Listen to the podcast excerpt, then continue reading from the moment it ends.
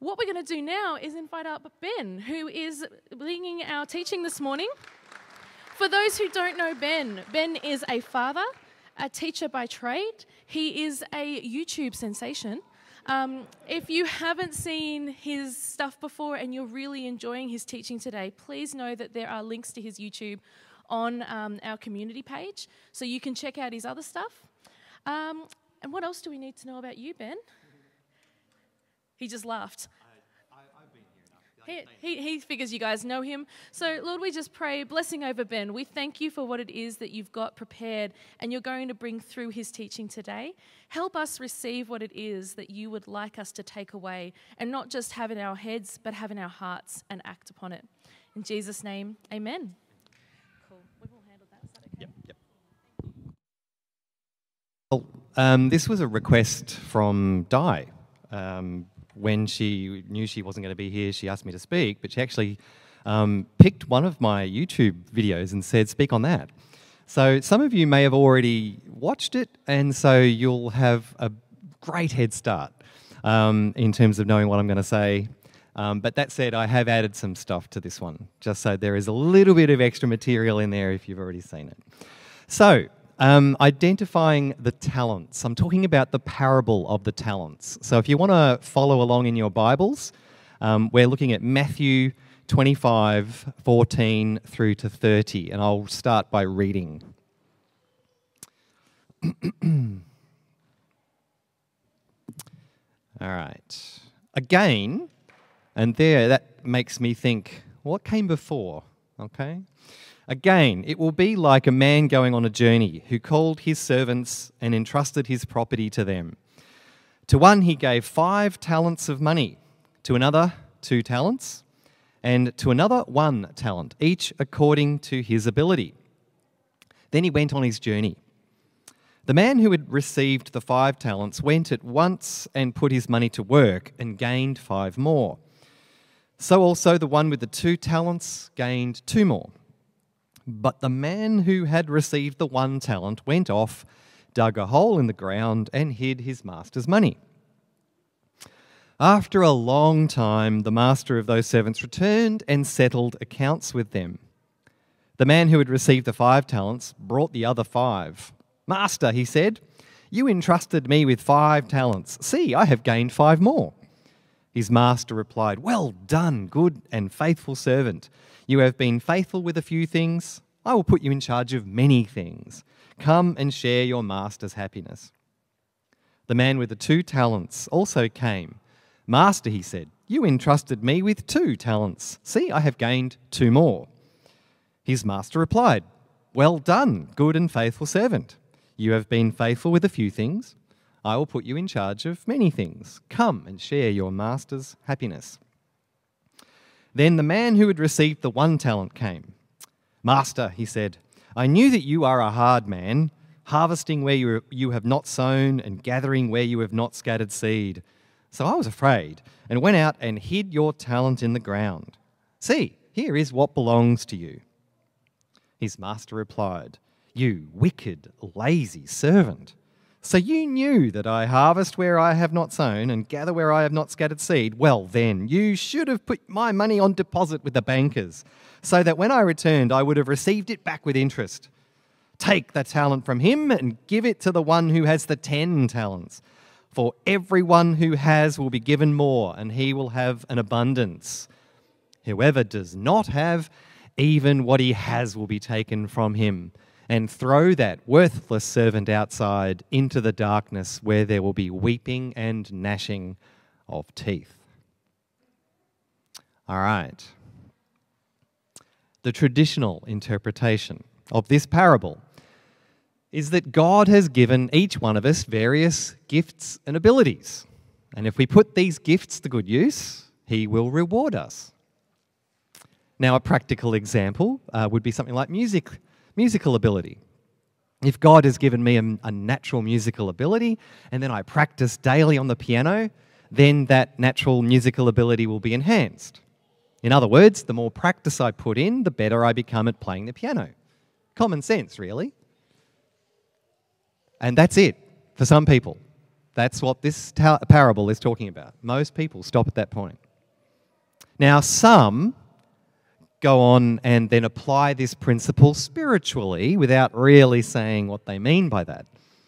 Well, what I think they mean is that if we don't work at our relationship with God, then it atrophies.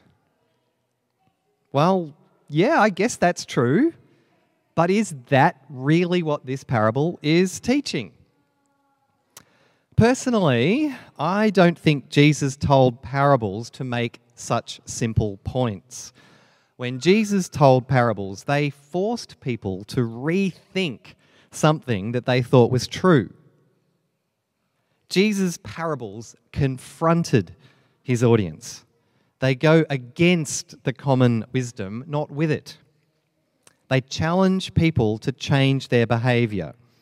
And so we should expect that the parable of the talents does the same. Now, the central problem of Jesus' parables is that they are allegorical. Allegory is a literary device in which characters and events in a story have equivalents in the real world.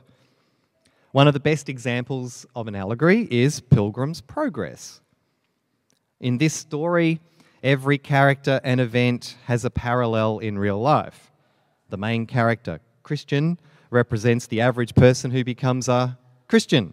And his journey to the celestial city is the Christian's journey through the trials and tribulations of life. But Jesus' parables aren't exactly like this. Perhaps a better example for our purposes is C.S. Lewis's The Lion, the Witch, and the Wardrobe. Now, this is not a proper allegory. You can't go through the book and work out what every character and event means in the real world. But there are still some intentional, what we could call allegorical connections obviously. Aslan represents Jesus. The witch represents Satan. And when the witch sacrifices Aslan on the stone table instead of Edmund, well, that represents Jesus' death on the cross in the place of sinful mankind. So there are allegorical connections that we can make between parts of the story and real life. And Jesus' parables are much, much more like that than Pilgrim's Progress. Not every little thing in the parables is intended to represent something in the real world. But Jesus did intend to make some allegorical connections between characters and events within the parables and real world people and events. So, when we come to the parable of the talents, we need to ask who does the rich man represent? Who do the servants represent? And perhaps most importantly, what do the talents represent? Well, first, the master. Uh, some people will say uh, that the master represents God on the basis that the central authority figure in the story must represent the central authority figure in our life. Uh, but I think that in the present context of the parable, Matthew's Gospel, the rich man actually represents Jesus. The parable of the talents comes in a section dealing with the return of the Son of Man, who will come at an unknown time. And of course, Jesus is the Son of Man. And then look at the passages on either side of the parable of the talents. Remember, we started with that word again. Uh, before the talents uh, comes the parable of the ten virgins. And the central authority figure in the parable, uh, in that parable, is the bridegroom.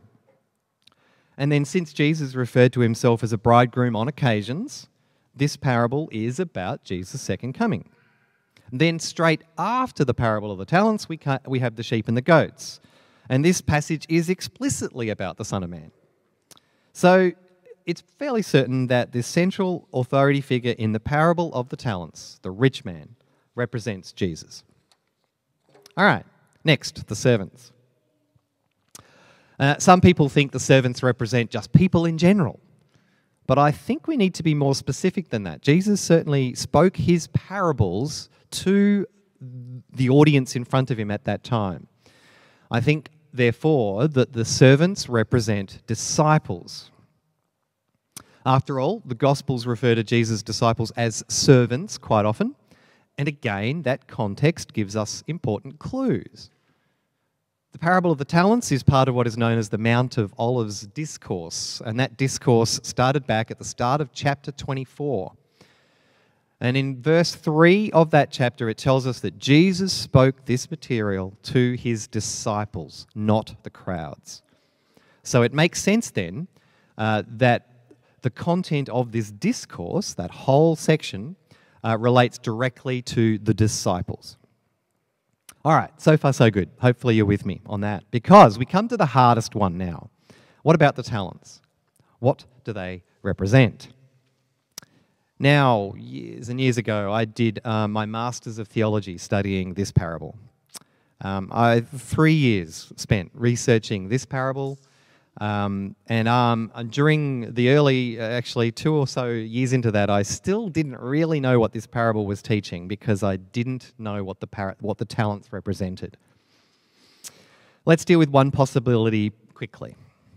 Most people assume that the talents represent gifts and abilities that God has given to each one of us. After all, the three servants are given talents according to their ability. But you have to realize the English word talent, in the sense of something that you're good at doing, actually comes from this passage of Scripture. When, G- when Matthew was writing uh, this into his gospel, he certainly wasn't thinking of gifts and abilities directly. Strictly speaking, a talent was a measure of weight, varying in size from about 26 to 36 kilograms. And then this became an, a unit of coinage when you measured out that weight of a particular metal, either gold, silver, or copper.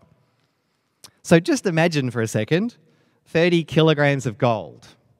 All right, that's one talent. All right, it's a lot of money. Um, you may recall another one of Jesus' parables um, where uh, there's a man who is forgiven a debt of 10,000 talents.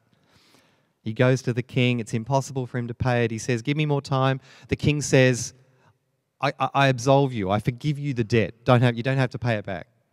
10,000 talents. It's um, supposed to be a ludicrously high amount of money that you could never possibly repay. Billions of dollars in our today's money. Um, and he's forgiven the debt. What does the man do immediately? He goes out, finds someone who owes him a few bucks, and throws him in jail. Um, and that's such a bad thing. If you've been forgiven such a huge debt, how could you possibly not pass that on and forgive a tiny debt to someone else?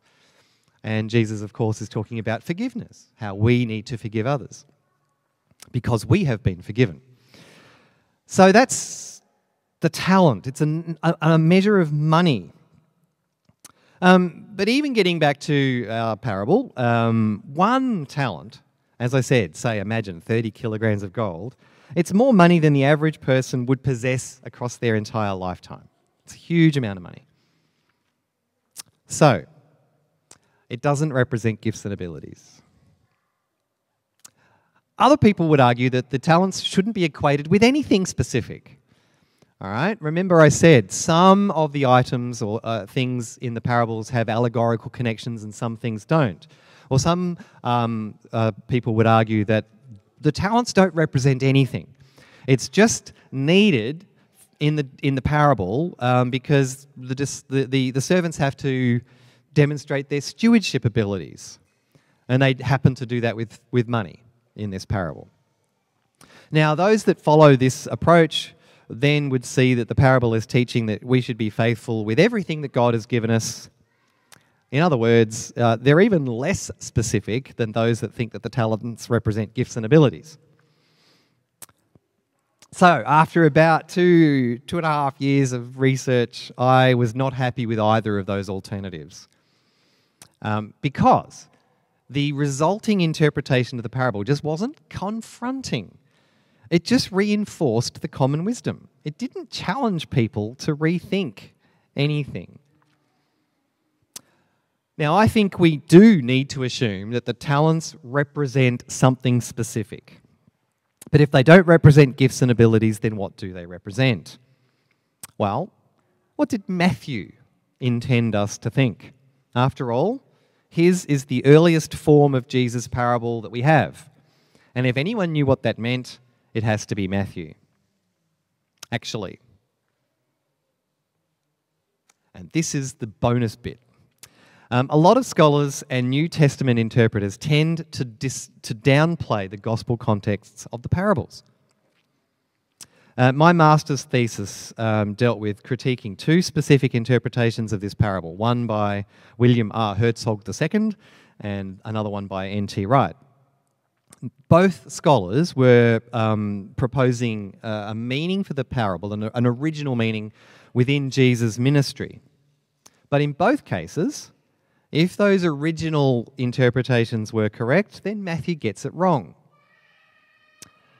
Um, just as an example, Herzog um, hypothesized that the third servant, the one who buried the money out of fear of losing it, would have been perceived as the hero of the story.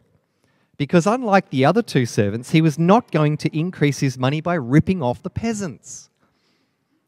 So Jesus, according to Herzog, told this parable to encourage his peasant audience to welcome such people into their homes when they inevitably get fired.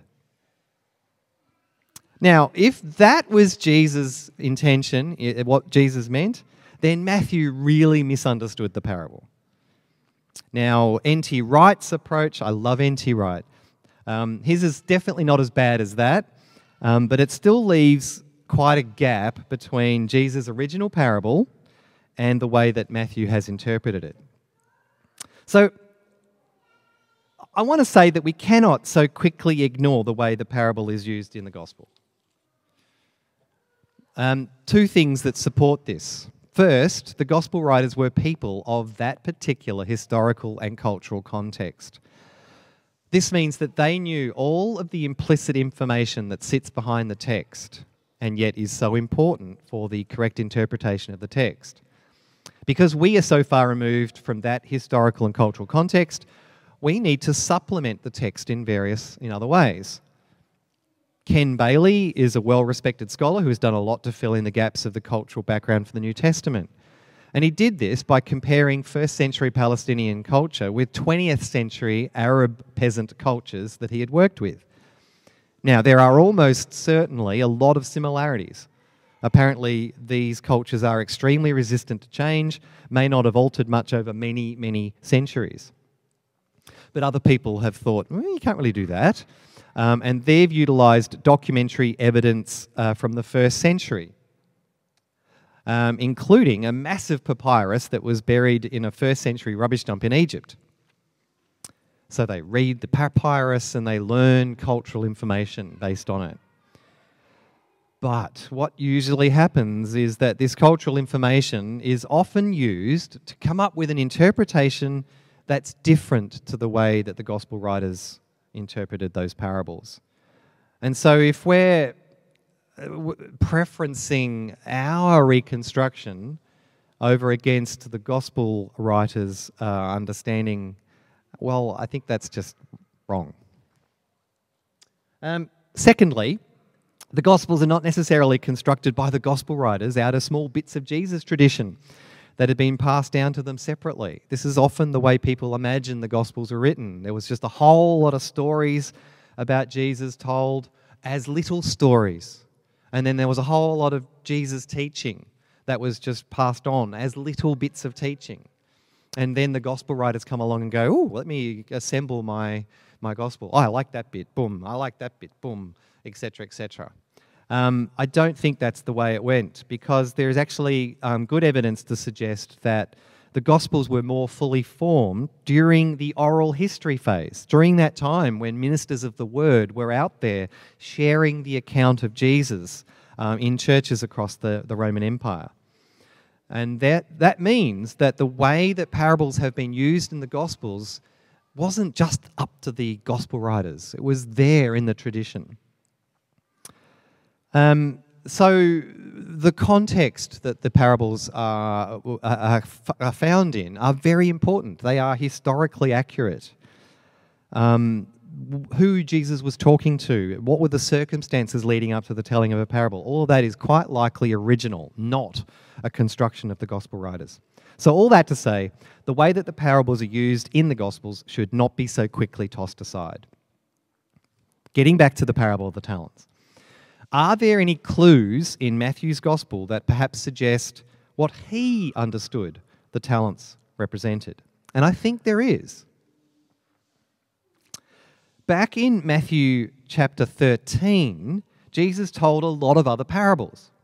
But this time, he was speaking to the crowds of people who followed him around. Then, when the crowds dispersed, Jesus told the, par- uh, the disciples what the parables meant. And I think the disciples were a bit puzzled by this. I mean, why would Jesus tell them what the parables meant and not the crowds?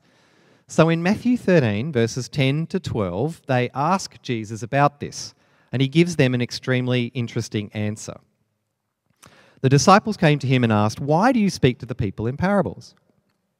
He replied, The knowledge of the secrets of the kingdom of heaven have been given to you, but not to them. Whoever has will be given more, and he will have an abundance. Whoever does not have, even what he has will be taken from him. Oh, does that sound familiar? Yes. That enigmatic statement about whoever has will be given more crops up at the conclusion of the parable of the talents. So, what we have here is an explicit literary connection between the two passages. And that means we should look for other, perhaps more subtle connections. Well, hold on to your hats making the connections. In Matthew 13, Jesus tells the disciples that they have been entrusted with the knowledge of the secrets of the kingdom of heaven. Do you see what we have here? We have Jesus entrusting the knowledge of the secrets of the kingdom of heaven to his disciples. And then remember, in our analysis of the parable of the talents, we concluded that the master, who is Jesus, entrusts talents to the servants who are disciples. So, what do the talents represent? The talents must represent the knowledge of the secrets of the kingdom of heaven. But what is the knowledge of the secrets of the kingdom of heaven? Well, in the context of Matthew 13, Jesus told parables to the crowds, but he gave the interpretation to the disciples. In other words, he, he speaks explicitly about the kingdom with his disciples. The disciples are given, let's call it, inside information about the kingdom. And it's a secret because the, the crowds don't get to hear it. So, the knowledge of the secrets of the kingdom of heaven is simply explicit knowledge about the kingdom of God. Hopefully, I've convinced you because now I think we're in a position to uh, discuss the teaching of the parable of the talents as a whole. We can peel back the allegorical elements uh, in the parable so that what is represented is laid bare. Jesus has entrusted the knowledge of the secrets of the kingdom of heaven to his disciples. He has given more to some and less to others according to their abilities.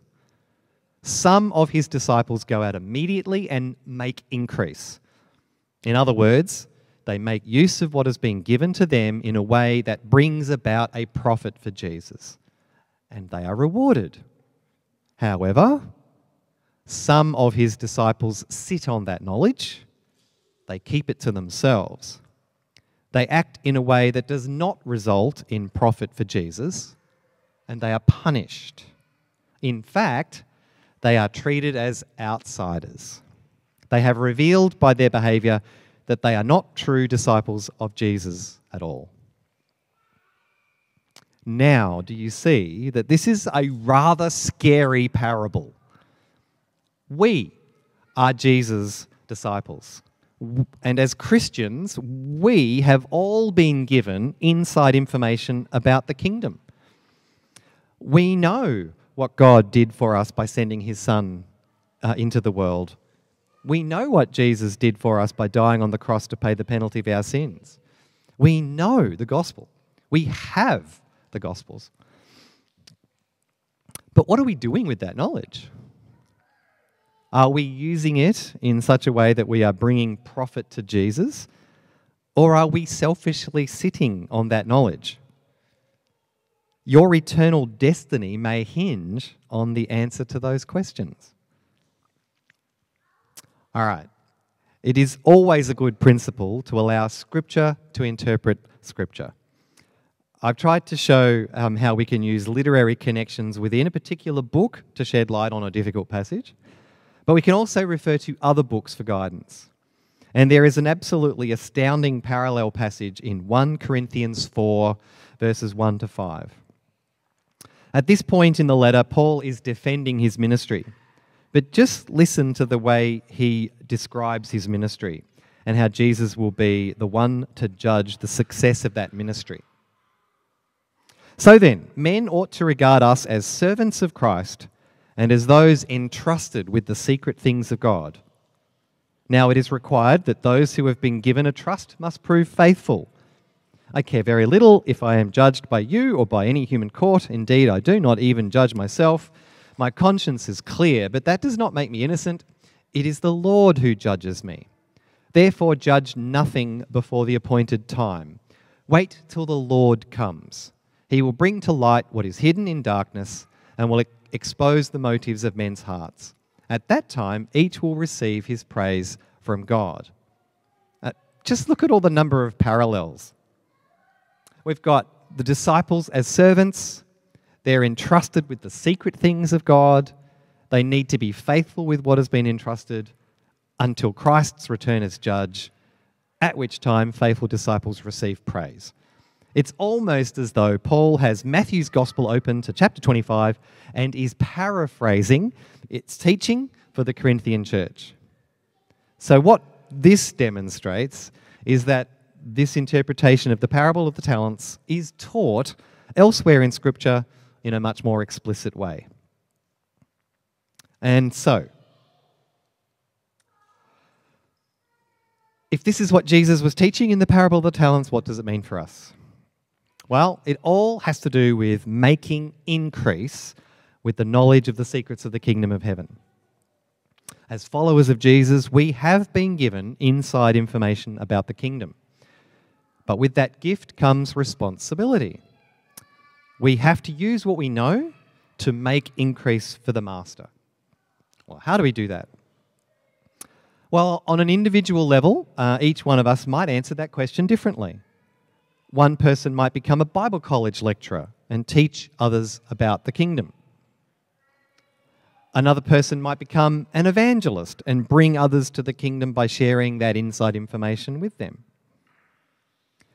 Another person might become a missionary and take the gospel cross culturally and expand the kingdom in another country. Another might become a pastor and use what they know about the kingdom of God in the way they minister to their congregations.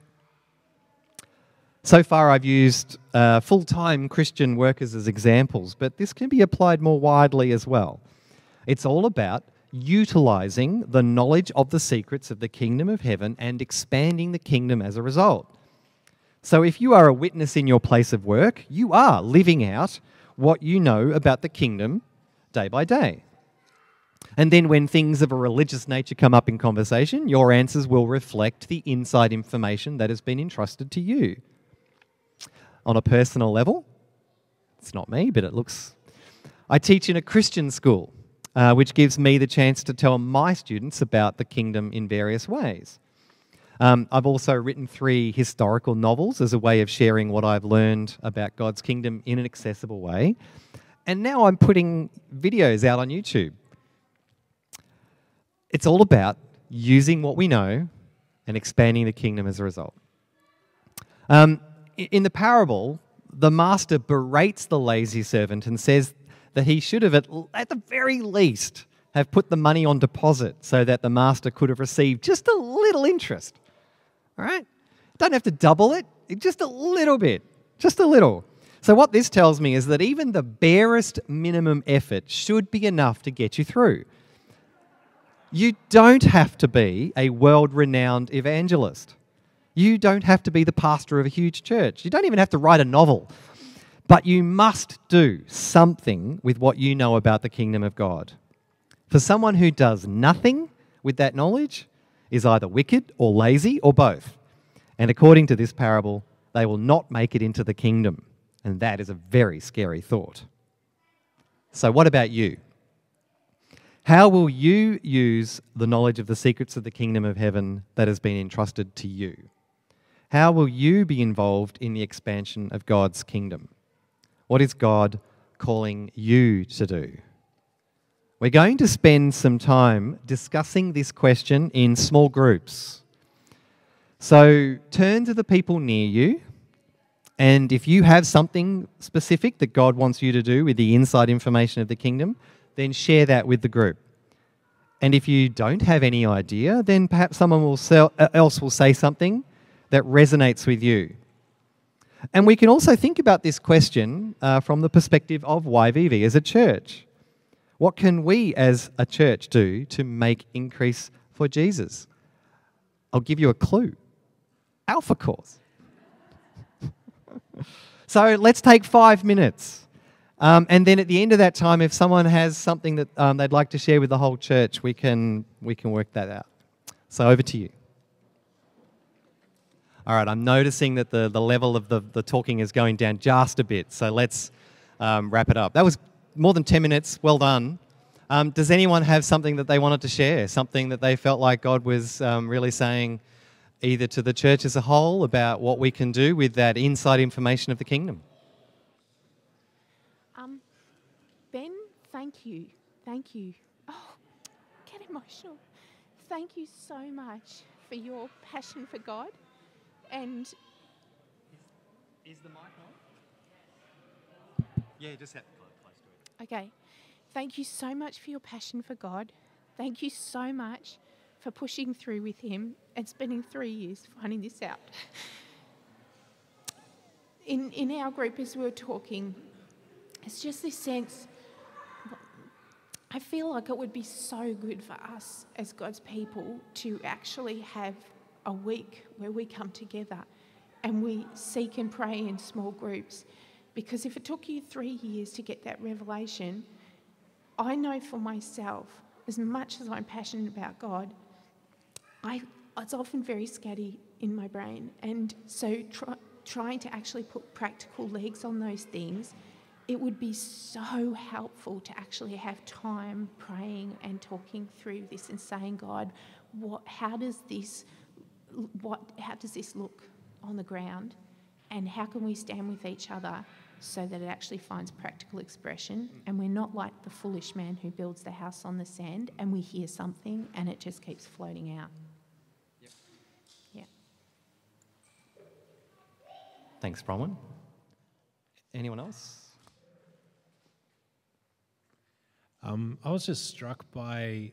Um, often it can feel like a, a, requisite or like something you like it's obviously something we need to do but it can be fun as well like like it like i'm think i'm thinking about what i put into the world and you know everything's relating to my daughter right now but like you know as i as i as i put my effort and, and, and what I need to put into her life, you know, praying into her and, and, and, and praying goodness and um, the kingdom of heaven into her life, that's, you know, like that's doing something good with my talents. So, like, it's just, it's fun, you know, and it's natural and it happens naturally. So, that's kind of what I, yeah, a lot, that was great. Thanks, man. Yeah, that's right. From the from the the parable, you don't get the sense that those first two servants were like, "Oh, I got to do all this stuff," and took a lot of effort. They, they, went, they go out and immediately make increase. It's, yeah, natural. And actually, children, raising kids, um, I think is definitely a one way we can share the inside information.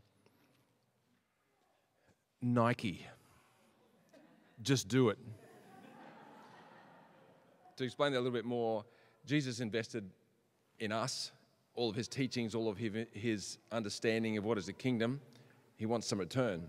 And so, to whatever level we understand it, we put it into practice, whether it's caring for people, our- our neighbours, whether it's writing a book, whatever it is, put it into action and do it. Don't just forget about it and leave it because that's burying it and doing nothing with it.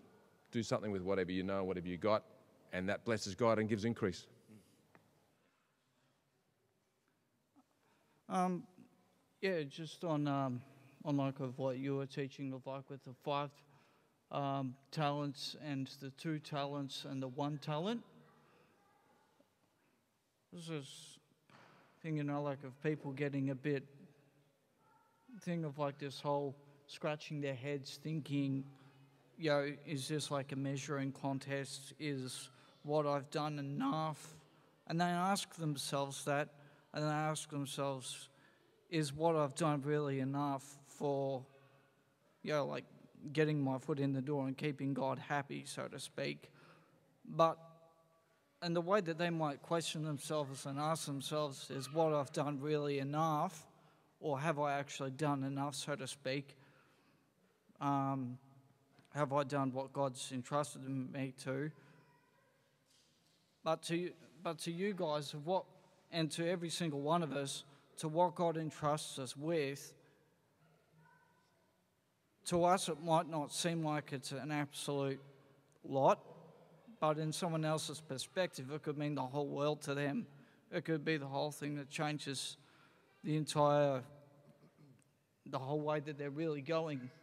Like, say, they could be like on the, on the absolute edge of, you know, making a bad decision or or something else, and then all of a sudden revelation hits, and then bang, there they are because they see they see the voice within the voice, and they recognise that there's something about you, and then they just pursue after it, and it's like, actually, yeah, I'm going to go back and second think that sort of thing. But yeah, hmm. I- I really love the fact that in the parable, um, the first and second servant get exactly the same response from the master. Um, it didn't matter that one of them had, had, got five talents, the other one had got two. and they got exactly the same well done, good and faithful servant. So it's not about the amount. We can't compare ourselves to other people. Um, it is what we are doing for God one on one.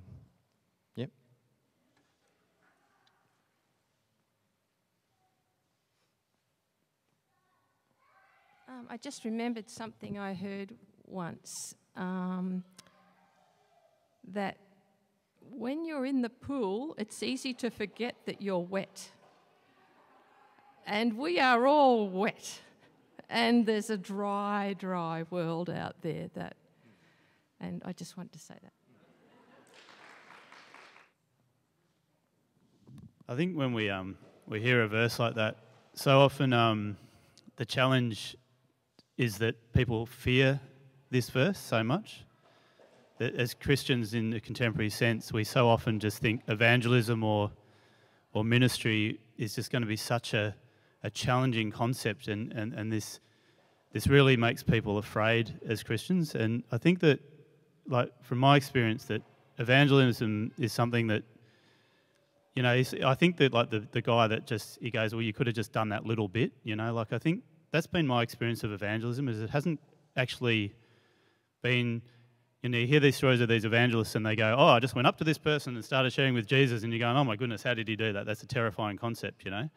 But then, if you, for me, like it's just about being in the world, like being around non-Christians, and then the times where it's happened, it's just come really naturally for me. Like I've just been sitting with a guy and at a party having a beer, or just just being in a place where there's other non-Christians, and then all of a sudden we're talking about God, and it's just like, and that's how God deals with us in evangelism. He doesn't push us into this really. Like I'm not saying there isn't going to be times where it'll be slightly uncomfortable, but that's never been my experience. God only ever pushed me that far out of my comfort zone, you know, and and but I have to be around non-Christians for that to happen. You know, that's always been my experience. And um, and like a couple of examples is, um, yeah, like I made at a party years ago, and as a young guy, I felt like these guys wouldn't have known Jesus for the for the life of him, and all of a sudden I'm sitting with this guy and he's talking about his experience with God, and I'm sharing my experience with God with him. And then another example was a mate of mine that was not being very kind to his um, partner, and me and my wife getting really angry at this guy and going, "Yeah, we don't want anything to do with him anymore." And then really having this thing on my heart, which was like, "Do I want to journey with this guy, or do I want to separate myself from this guy?" And then about a month ago, he rang me and said he's given his life to Jesus and he needs another Christian to talk to. And because I decided to journey with him, I had an opportunity then to pray with him. I'm still, I have an opportunity to disciple him now, and, and, he'll, and he knows that he's got an open door to talk to me if he needs to. And, um, and then and another example is we've got a, a couple that's just reached out to us that, that I knew from high school that had come from a pretty worldly background as well. And because I'd been in those environments, I'd been around those guys. They reached out to us as another Christian couple because they were seeking connection with, you know, with other Christians, you know, and, and we've now got an opportunity to, um, yeah, to fellowship with these guys. So, I think for me, it's you know, you, I think Dave Breen sort sort of said, you know, just do it, it and he was quoting the great, what is it, F, um, Nike, the the the goddess of victory, is that right? Uh, anyway, that's just sorry, that's a theological point. Um, but um, I think sometimes the just do it concept, like, I think for me, it's, it's the just do it's a good thing to say, but I think that that can actually push people away sometimes in the sense that people can be terrified of that. And I'm not saying that as a, I'm not trying to say that's a negative thing that you said, I agree with you. But I remember at one of the churches I was at, I, I said to the, the crew there, I said, why don't we get out in the street and start sharing the gospel with people? And they were just so terrified of this idea. you know, they were just like, "Whoa, no, we're not, we don't come to church for that. We're here to, you know, we like we like our routines, we like our structure." And and I think that um, you've got to be in it to win it, is what I would say. And I think that you've got to be in the world to have opportunities to share. But it isn't doesn't have to be this terrifying thing, you know. And um, and there was one more thing, um, which is that as a church, I think the thing that I've really noticed about this church recently is that um, the whole concept of lockdowns and having to meet in homes and the whole table talk concept, I really think there's an opportunity there for us to grow as a church through um, increasing the fellowship that happens in houses. And that's just something that God's been putting on my heart. But yeah, thanks.